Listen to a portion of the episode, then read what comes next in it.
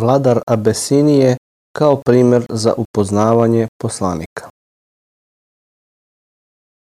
Ukazivanju koje govori o iseljavanju sledbenika Božijeg poslanika Muhameda, mir nad njim, u Abesiniju nakon što su bili izloženi raznim iskušenjima i poteškoćama, spominje se ono što obuhvata misija poslanika, mir nad njim, kao što je lepo ponašanje, briga o ljudskim pravima, i dobročinstvo prema drugima.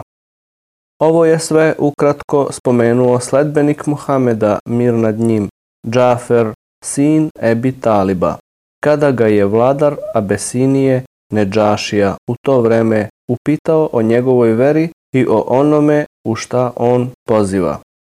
Kazao je, kakva je to vera zbog koje ste napustili vaš narod, a niste prihvatili moju? a veru drugih naroda. Džafer, sin Ebu Taliba, koji je s njim razgovarao, reče O vladaru, mi smo bili narod koji je bio u neznanju. Obožavali smo idole, jeli smo strvinu, činili smo razvrat, kidali smo rodbinske veze, činili smo zlo komšijama jaki su uzimali od slabih i tako smo radili dok nam Bog nije poslao poslanika od nas, čije poreklo znamo, a bili smo uvereni u njegovu iskrenost, poverljivost i čistoću. On nas je pozvao da obožavamo samo jednog Boga i da ostavimo ono što smo mi i naši očevi obožavali kao što je kamenje i idoli. On nam je naredio da istinu govorimo, da obaveze ispunjavamo, da rodbinske veze održavamo, da komšijama dobročinstvo činimo, da se ustegnemo od zabranjenih stvari i prolivanja krvi.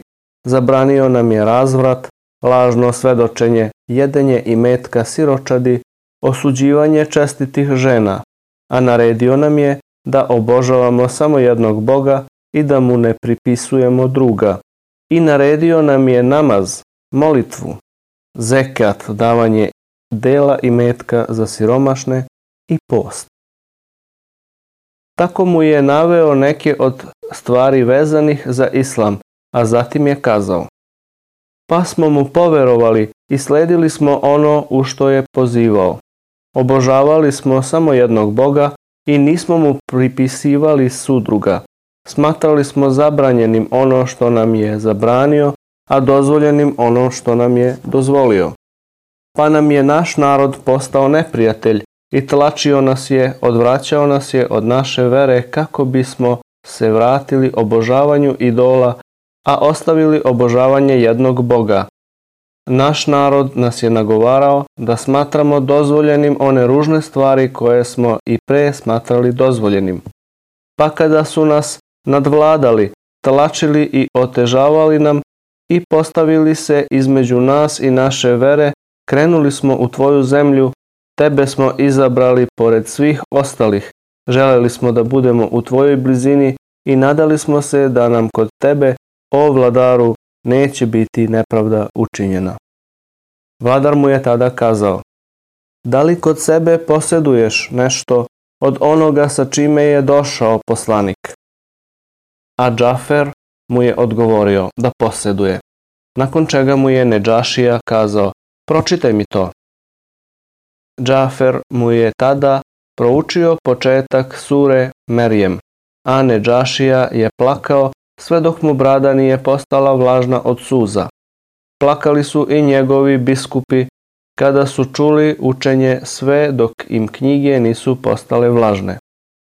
Zatim je Neđašija obraćajući se muslimanima i mušricima koji su došli kod vladara da silom vrate muslimane nazad u Meku, kazao Tako mi Boga, ovo što sam čuo, a i ono što je objavljeno Isusu mir nad njim, je iz istog izvora.